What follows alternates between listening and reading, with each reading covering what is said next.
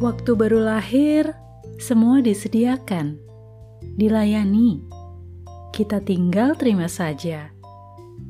Dengan berjalannya waktu, kita bertumbuh, belajar, nggak semuanya dilayani. Ada waktunya mengerjakan sendiri. Nggak semua dituruti. Nggak semua yang diingini didapat. Saat belum mengerti, sedih namun dengan berjalannya waktu pula, kita mulai mengerti dan belajar.